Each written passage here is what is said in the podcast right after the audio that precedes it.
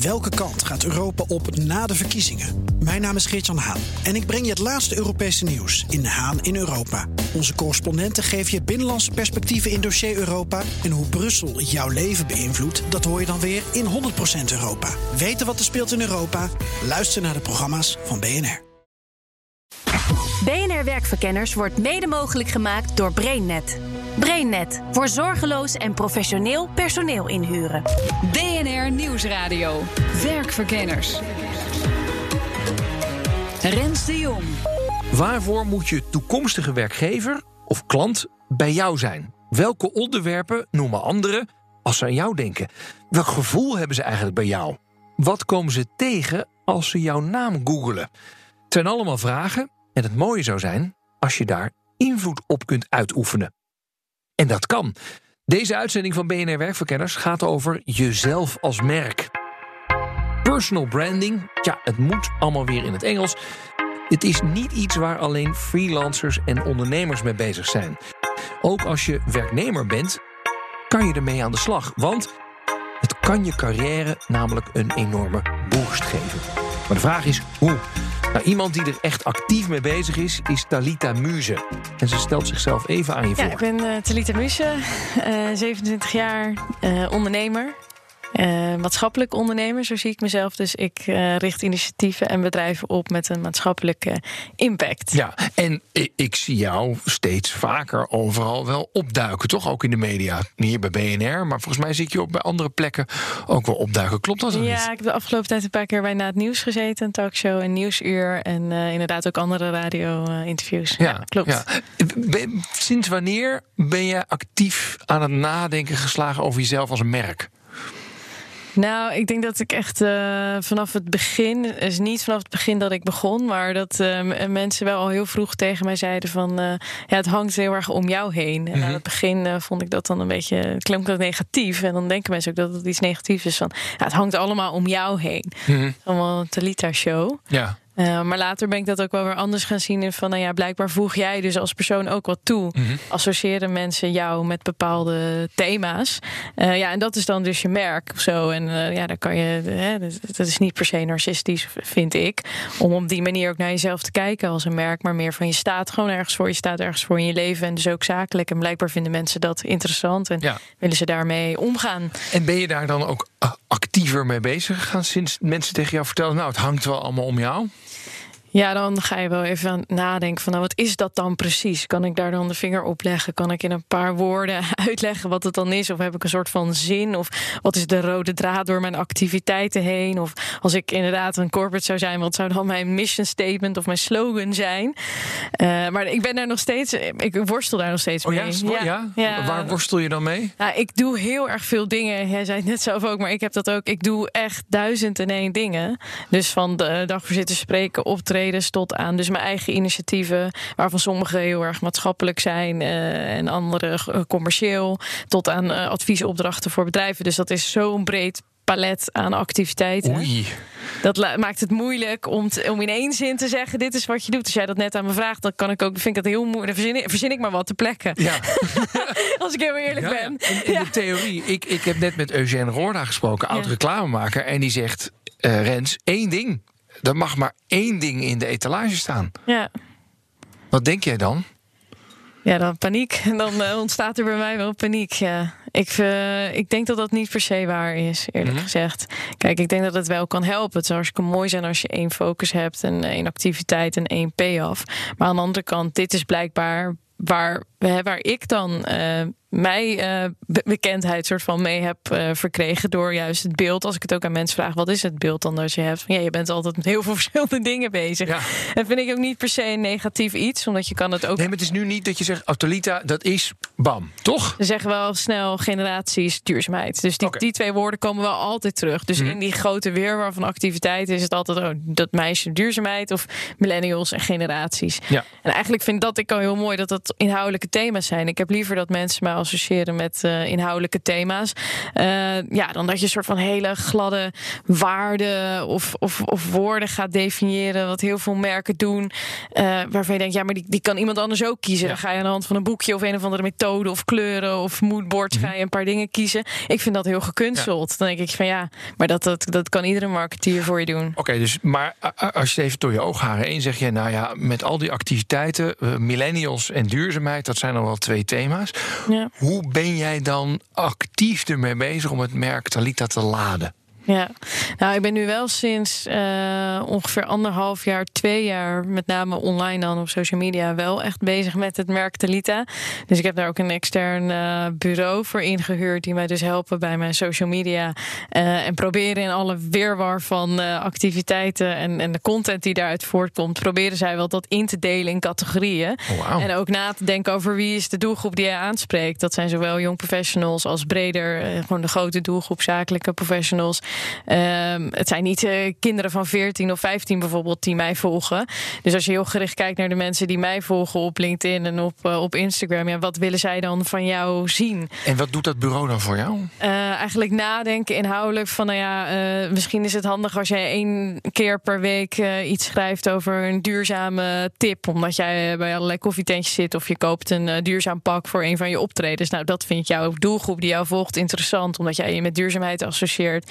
Nou, je bent veel bezig met generaties. Misschien vinden zij het leuk om een post van jou te lezen over dat jij iemand hebt geïnterviewd van een andere generatie. En mm-hmm. wat dat dan betekent. Dus ze kijken meer gewoon wat zijn de thema's waar jij je al mee bezighoudt. En hoe kan je dat nog beter laden online. In plaats van dat ik als Talita een selfie post dat ik de Champions League aan het kijken ben. Dat is leuk. Maar het is veel minder relevant voor mijn merk. Het ja. voegt niet zoveel toe voor de doelgroep die mij volgt om dat van mij te weten. En wat hebben ze met je meegedacht of maken ze ook dingen voor je? Wat ze ik, maken ik, ook ik, dingen voor mij. begin steeds meer impressed te raken ja, je. Zit een heel apparaat achter. nee, ze, ze, maken ook inderdaad dingen voor mij. En dan check ik of dat een beetje in mijn woorden zijn. Oh, wow, het zijn dus dan niet mijn woorden, maar dan nee, check ik of het mijn woorden zijn. Gek, ja, dat is heel oh, raar. Ja, Talita is hier dus nu mee bezig. Kiezen. En daar ga ik eens even op inzoomen. Want dat is het allerbelangrijkste. Ik sprak erover met Eugène Roorda, reclameman in Rusten. Misschien ken je hem nog als oud-columnist van BNR. Toen ik ooit ontslag nam bij BNR, dat is lang geleden, en een carrière begon als freelancer, als dagvoorzitter, als presentator, toen gaf hij me inzichten die ik jou niet wil onthouden. Kiezen is verliezen om er wat groters mee te winnen, zei de Ryan Centraut. Kiezen is verliezen om er iets groters mee terug te winnen. -hmm. dus het, het, het, is een keuze. Je moet denken van, wat past het best bij mij? Waar ben ik goed in? Daar ga ik me in bekwamen. Ja. En dat vergroot ik uit. Ja, maar en dan word ik bekend om één ding. Jeetje. Maar, maar dat is dus zo. De, maar mensen zijn vaak goed in heel veel dingen. Of nee, nee niet, niet zo. Nee. Oh. Voor je personal branding kan je beter door één ding bekend worden. Oké. Okay. Want mensen kunnen maar één of twee dingen van je onthouden. Mm -hmm. He, daarom, bedoel, daarom, zijn speeches van politici goede. Dus Obama zei altijd, die had altijd over three things: first, second, and third omdat mensen niet meer dan drie dingen kunnen onthouden. Dus als ik van jou één ding kan onthouden. Mm-hmm. van ik, Renze Jong, oké, okay, dat is de beste dagvoorzitter. Mm-hmm. Jongen, dan heb je al een geweldige, dan heb je al een geweldige sprong gemaakt. Ja. Als jij van mij één ding onthoudt, hoor daar, was een goeie, is een goede columnist, of is een goede copywriter, of is een goede. Dan is dat al geweldig. Ja, ja. ja maar is, zit daar dan vaak de fout dat mensen zeggen: ja, ik ben van dat en van dat en van dat en een soort duizend dingen doekje? Ja, een duizend, duizend dingen doe ik. Ja, dan ben je wel aardig. Maar dan, dan, nu moet je in deze tijd, omdat het een hoogcomplexe samenleving is, hoogcomplexe eh, competitieve samenleving, moet je in één ding uitblinken. Of in één ding heel goed zijn. Of door één ding heel erg bekend worden. Of je, ja, je, door die jongen van die gisteren de Songfestival, of die, die kan één ding, die kan fantastisch zingen. Nou, klaar. Ja. Is klaar. Wedstrijd gespeeld, afgefloten, klaar. Maar het klinkt dus zo simpel bijna, Eugène. Dus Ja, maar het is ook nou simpel. één ding. Nee, maar het is ook. Ja, je, moet, je moet het hebben van je boerenverstand. Je moet één ding vreselijk goed kunnen. Ja. Anders krijg je, het, wat Fransen noemen. eh, ik spreek het niet goed uit. Let défaut de qualité. Ik spreek het waarschijnlijk verkeerd uit. Hm. Let défaut de qualité. De, de, de, de makken van de overdaad aan getalenteerdheden. Wauw. Dus ik kan en een beetje lullen. En ik kan een beetje schrijven. Ik kan ook redelijk tekenen. Ik kan redelijk piano spelen. He, je hebt, kom je vaak mensen tegen die zijn zo breed begaafd. dat je denkt, ja, maar waar ben je nou goed in? Ja. Waar blink jij in uit? Dus die bleven hangen in een soort basisgetalenteerdheid van alles een beetje. He, die werken dan bij, bij de ABN AMRO. En s'avonds zitten ze ook in een zangkoor. En zeggen, God gaat dan zingen, man. He, daar is meer behoefte dan aan een bankier. Ja. Dan zeggen ze, nee, nee, dat is toch, hè, hangen, blijven hangen in veiligheid. Dat zijn mensen die je vaak tegenkomen met een heleboel hobby's. Dus je denkt, wat kan die man dat ook goed?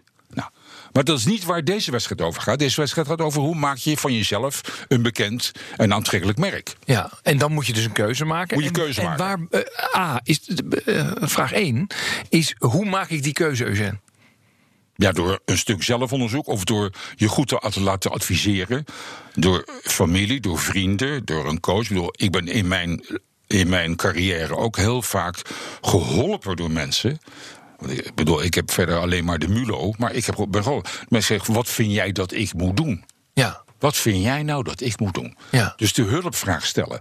En een aantal verstandige mensen om je heen, niet zoveel, twee of drie, die je ieder een paar maanden of ieder kwartaal spreekt en zegt van hoe vind je dat ik het doe? Doe ik het goed? Wat vind je ervan? En daarna luisteren naar wat mee doen. Ja, en die keuzes maken, dat komt de hele uitzending terug. En dat is niet zomaar, dat komt omdat dat dus echt de sleutel is. Je moet eerst heel duidelijk weten wat de boodschap is die je wil gaan uitzenden. En daarvoor kan je ook een workshop volgen bij Tom Scholten. Hij helpt mensen met een personal brand en hij betrekt er nog iets anders bij. Niet alleen een rol of een onderwerp, maar ook een gevoel. Ik ben eh, Tom Scholten en sinds een jaar of tien eh, zelfstandig trainer, coach en adviseur op het gebied van personal branding en persoonlijk leiderschap. Wauw, hoe- en tien jaar geleden was het al, toen al zo hot? Eh, net iets langer nog, jaar of 2007, volgens mij 2008, eigenlijk echt met de opkomst van eh, LinkedIn. Dat eh, social media heeft het echt wel een enorme eh, zwengel gegeven. Dat mensen zelf kanalen hadden om hun zichtbaarheid te verhogen en contacten te leggen die daar, daarvoor niet mogelijk waren. Ja, en als jij het moet definiëren, wat is personal branding dan? Een merk en ook een persoonlijk merk, een personal branding, gaat over het oproepen van een gevoel bij mensen. Dus naast het leveren van een product of een dienst of, of wat het ook is dat je doet, dat je daarnaast bewust bent dat je ook een gevoel oproept. Dat mensen een, een gevoel over jou hebben. Dat doen ze al automatisch. En dus iedereen roept een gevoel op en we zijn voortdurend bezig. eh, eh, hebben we het over andere mensen, over wat we van ze vinden, wat we van ze denken. En personal branding is vooral het proces dat je dat bewust doet. Dat je Ah, er ja. over nadenkt van, hé, maar wacht eens even. Als ik dan toch een gevoel oproep, wat is dat gevoel dan? En, en, en wat voor gevoelens kunnen dat dan zijn? Is dat van dat is een leuke vent, een leuke vrouw? Of is dat, wat, wat zou dat allemaal kunnen zijn? Ja, dat is, dat is grappig als je denkt. Aan de ene kant is het een gevoel over jou. Aan de andere kant is het ook een gevoel over zichzelf. Zeg maar. Dus je kunt mensen ook een goed gevoel over zichzelf geven. Dus door iets wat jij doet, kun je mensen een gevoel geven van empowerment. Hè, dat, zich, dat ze zich sterker voelen. Oh ja. Als jij een, een, een boeiend verhaal vertelt over iets wat jij gedaan hebt of wat je gezien hebt, kun je mensen inspireren om dat ook te doen. Als jij eh, iets vertelt over een enorme stap die jij gezet hebt in je, in je leven, een verandering of wat dan ook, dan gaan mensen dat misschien ook doen. Dus je kunt, je kunt dat gevoel wat je bij oproept, dat kan gevoel over jou gaan. Maar je kunt ook die mensen, jouw omgeving, kun je ook allerlei gevoelens geven en positieve emoties geven om Ja. eh, hoe ze naar zichzelf kijken. Ja. Waarom vind jij zo belangrijk om dat gevoel erbij te koppelen? Nou ja, dat is de, dat is de experience-economie waarin we in leven, zeg maar. Dat is het onderscheidende wat je kunt oproepen. Dus je kunt ook op, op LinkedIn zoeken eh, of op Google zoeken voor een bepaalde functie of een bepaalde rol of iets dat iemand kan. Vervolgens ga je het profiel lezen. En dan, eh, of je gaat een verhaal over iemand horen. En dan gaat het om dat gevoel. Hè, want ik krijg bijvoorbeeld eh, eh, 100 zoekresultaten.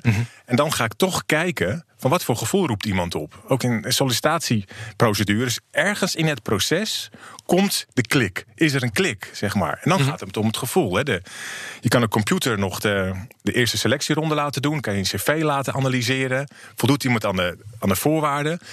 Ergens komt het, heb ik een goed gevoel bij iemand. Ja, en mag ik nou zelf bepalen, dit gevoel wil ik benadrukken? Of moet ik dat aan vrienden vragen, van welk gevoel roep ik op? En dat ik dat ga benadrukken? Hoe werkt zoiets?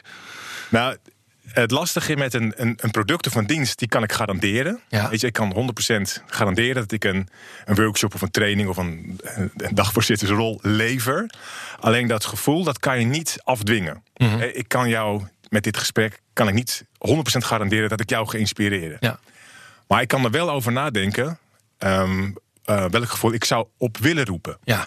En dat is nou een beetje. het- En dat doen we toch. Je roept toch een gevoel op bij mensen. Of je nou bij de, bij de cashier. eh, En welk gevoel is dat, dat dat jij wil oproepen? Bij, bij jouw klanten? Bij, bij, want jij werkt ook aan je eigen brand. Ja, ja nou, een van de belangrijke dingen dat, dat ik mensen het gevoel wil geven dat ze meer kunnen en andere dingen kunnen dan ze denken dan ze kunnen. ja. ja. We zijn geprogrammeerd en we denken dat we bepaalde dingen niet zijn of niet kunnen. En door, ja, door deze manier van werken maak, je mensen, maak, maak ik of hoop ik mensen bewust te maken van hé, hey, wacht eens even. Ik beperk mezelf met allerlei gedachten en aannames. En ik kan eigenlijk, ehm, ik kan eigenlijk meer. En Ja. ben En, eigenlijk- en, maar als je dan met een potentiële klant aan het e-mailen bent... en je denkt, ik wil ze dat gevoel van empowerment eigenlijk meegeven... dat is als ik het een beetje over vertaal. Ja. Hoe doe je dat dan? Wat, wat, wat staat er dan in jouw mail die je denkt... ja, dat zou ik er normaal gesproken niet inzetten... maar nu, omdat ik er zelf ook van bewust ben... zet ik dat er wel in. Nou, dat gaat bijvoorbeeld over complimenten. Mensen bedanken ehm, voor wat ze doen, bijvoorbeeld. Hè, dus eh, als ik een mailtje krijg en iemand geeft mij feedback of stelt een vraag of reageert ergens op, dan probeer ik mensen altijd ook positieve feedback terug te geven eh, als ze iets hebben gesignaleerd of als ze iets gedaan hebben om ze te bevestigen in, in waar ze mee bezig zijn. Ja. Dus elk contactmoment is inderdaad een manier. Elk contactmoment is een manier om er een goed gevoel op te roepen bij iemand. Ja. Zometeen in BNR Werkverkenners hoor je wat al dit werk je dan kan opleveren. Tot zo. BNR Nieuwsradio. BNR Werkverkenners. Deze uitzending gaat over jezelf als merk. En dat is best een klus. Nadenken over hoe je jezelf wil neerzetten. Zelfs welk gevoel je wil oproepen bij anderen. Maar als het lukt, dan kan dat je heel wat opleveren. Tenminste, dat is het idee. Talita Muze is enthousiast begonnen met haar eigen merk. En dus vroeg ik haar ook, levert het al wat op? Nou, vooralsnog echt eh, niks. Het kost alleen maar geld. Ja. dus ik kom ook echt een beetje van terug. Dat ik, vind het, ik vind het zelf heel leuk en creatief om daarmee bezig te zijn. Nou, het levert, ik denk dat het met alle marketing zo is. Je kan ook nooit, Coca-Cola vindt het ook moeilijk om aan te tonen of alle billboards jou wat opleveren. Het is meer, je blijft top of mind. Dus in die zin levert het heel veel op. Want als Ja. ik aan eh, een organisatie vraag van... hé, maar waarom hebben jullie mij gebeld? Of de radio, waarom hebben jullie mij gebeld? Ja, we zagen je voorbij komen. Of gisteren hoorde ik je ook daar en, eer, en eergisteren daar. Maar dat is natuurlijk niet toevallig. Dat komt omdat je die dingen zelf de wereld in hebt geslingerd. En daardoor denken mensen dat je top of mind overal bent. En dan gaat dat in hun onderbewuste ergens zitten. En als ze dan iemand nodig hebben op een bepaald thema... dan hé, hey, Talita, Ja, die, die moet je bellen. hebben. Ja. En zo, ik denk dat het meer zo. Ik geloof meer dat eh, personal branding en marketing zo werkt. In de zin van dat jij jezelf weet te associëren met bepaalde thema's. En dan op het moment dat iemand in een vergadering zit en ze zeggen: Hé, hey, we hebben iemand nodig om dit en dat te doen. Dan hoop je dat je op het lijstje drie namen staat van mensen aan tafel. En dat kan je denk ik bereiken door eh, continu te herhalen dat jij met die thema's bezig Ja, bent. ja. Nou, ik vertelde je net over dat boekje hè, dat ik ooit van Tom heb gehad.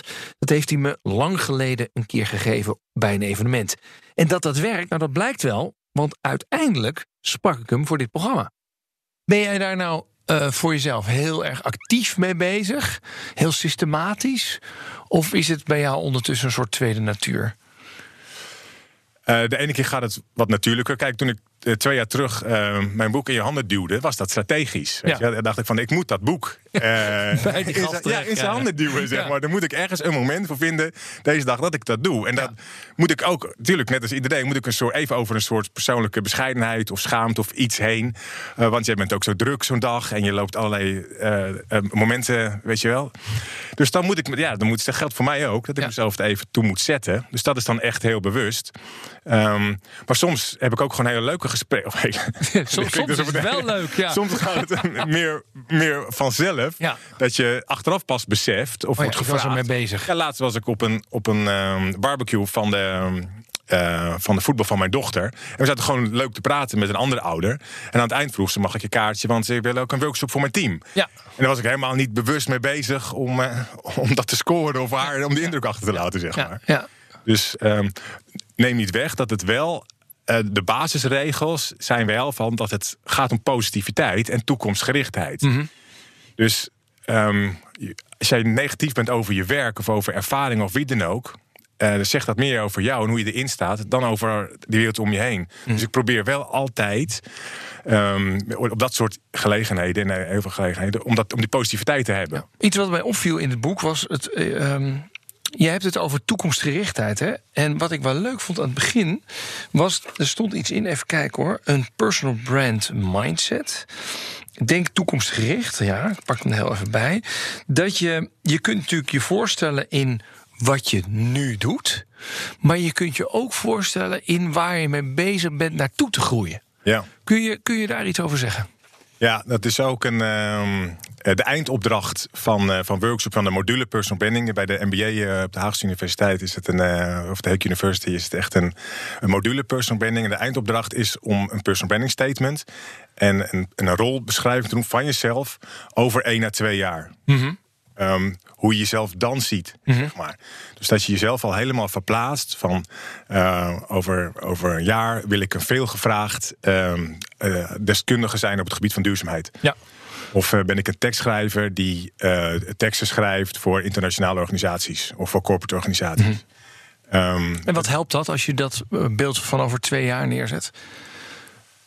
Dat je je op die manier op een of andere manier jezelf al zeg maar framed of jezelf in een bepaalde houding zet en kansen gaat zien um, in die rol. Je beschrijft jezelf ook in de derde persoon uh, op een manier zoals je aanbevolen en uh, gevraagd wil worden over uh, ja, zes maanden, een jaar, twee jaar met je die periode. Maar het, ik begrijp dus dat je dat, die, dat statement, dat je dat in tegenwoordige gesprekken moet gaan gebruiken. Toch? Dus je, dat las ik er een beetje in. Dat je zegt, nou, ik ben Rens de Jong en ik wil over twee jaar veel gevraagd spreker zijn over dat en dat. Of dat je een beetje, nou, ik ben er nu. Nee, ik moest het anders zeggen. Ik, ik ben Rens de Jong en ik ben aan het ontwikkelen op dit en dit en dit. Super interessant dat je daar meer over vertelt. Dus dat, zo las ik het. Misschien was dat helemaal niet je bedoeling, maar zo heb ik het gelezen. Ja, je, je schrijft die statement in de derde persoon in de toekomst, alsof het al waar is. Um, in principe schrijf je ten eerste instantie voor jezelf, om dat regelmatig door te lezen. Van klopt het nog? Wil ik daar naartoe? En, en weet je wel, maak ik het waar? Want heel veel van die dingen die daar dan in staan, of hoe je gezien wil worden, zo kun je nu al gedragen. Je kunt nu al een bepaalde houding, een bepaalde rol, bepaald gedrag kun je al aannemen. En inderdaad, in, in gesprekken uh, geldt weer die toekomstgeoriënteerdheid. Als, als sommige mensen vragen, wat doe je eigenlijk? Sommige mensen zeggen, ja, ik zit nu in de uh, administratie... of ik wil doen nu een project daar, maar dat wil ik eigenlijk niet meer doen. Ja, vertel dat niet, Mhm. zeg maar. Je hoeft niet te liegen, maar dan kun je het antwoord wel omdraaien. Dat je zegt, nou, leuk dat je vraagt. Ik ben een stap aan het zetten uh, in een andere branche. Ik wil die kant op. Of ik wil me meer, meer gaan neerzetten als, als projectleider of projectmanager. Zoiets. Dus daarmee... En waarom helpt dat dan? Nou, om mensen en jezelf uh, op weg te helpen waar je naartoe wilt. Mhm. Zeg maar. En dat je niet blijft steken in de plek waar je nu zit. Maar als je ambitie hebt, hè, dat geldt ook voor. Als je geen ambitie hebt nou, en je werk prima doet, ja, just fine. Dan ja. just fine. Uh, hoewel dit dan ook nog manieren zijn hoor, om gewoon de impact en de betekenis van je werk te verhogen. Maar heel veel mensen hebben, willen wel stappen zetten. En dan is het leuk om op deze manier over na te denken en mee bezig te zijn. En dan zie je dus dat je in, op heel veel andere momenten al ding, stukjes daarvan waar kunt maken. Hmm. Um, in gesprekken en in ontmoetingen of, of op andere manieren. Ja. Zonder dat je al misschien die heel definitief die nieuwe rol op je kaartje hebt staan. En dan gaan we nog één keer terug naar oud-reclameman Eugène Roorda. Hij vertelt je de belangrijkste valkuilen bij het bouwen van een merk. En dat gaat weer over keuzes maken. Dat ze te veel tegelijk willen communiceren. Dus wat dat betreft is een adverteerder, net als jij of ik, van ik kan dit en ook dit. En ik ben ook leuk en aardig en charmant. En je kan met mij ook vreselijk lachen. Ja. En ik ben ook financieel betrouwbaar. Ja. Nee, één ding. Ja. Dus die succes van die tas was natuurlijk dat er alleen die tas was. En de rest kwam er achteraan. Maar het begon met één ding, met één tattoo die de wereld in werd geslingerd en die iedereen opviel en die iedereen wilde hebben. Want ze verkochten ineens duizenden van die tassen per week en later per dag.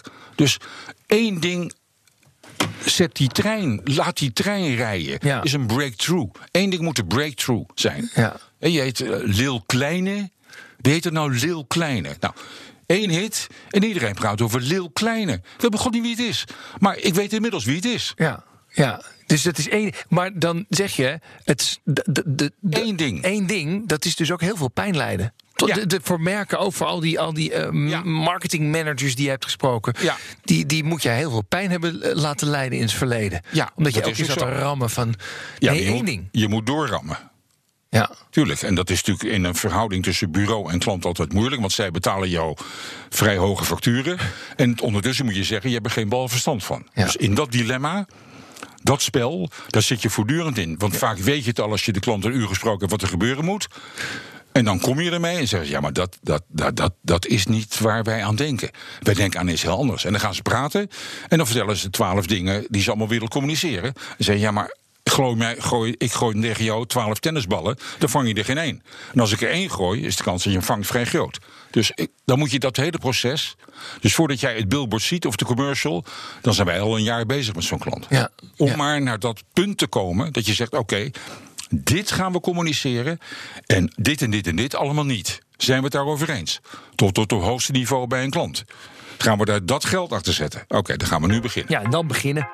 Nou, krijg je eerst even de belangrijkste lessen van mij uit deze BNR-werkverkenners. 1. Kiezen. Het moet echt, ook al vind je dat je jezelf ermee tekort doet. 2. Denk niet alleen in thema's, maar bijvoorbeeld ook in rollen en zelfs welk gevoel je wil oproepen. 3. Negativiteit, dat is voor in de kroeg met je vrienden of thuis, zuchtend op de bank. Maar daarbuiten ben je de opgepoetste versie van jezelf. En 4. Je weet nooit wanneer personal branding iets oplevert. Je kan zomaar na jaren opeens bij mij in de uitzending zitten. En dit was BNR Werkverkenners voor vandaag. Als je er nou geen genoeg van kan krijgen, in jouw podcast-app of op bnr.nl vind je nog veel meer afleveringen. Tot de volgende keer. BNR Werkverkenners wordt mede mogelijk gemaakt door BrainNet. BrainNet voor zorgeloos en professioneel personeel inhuren.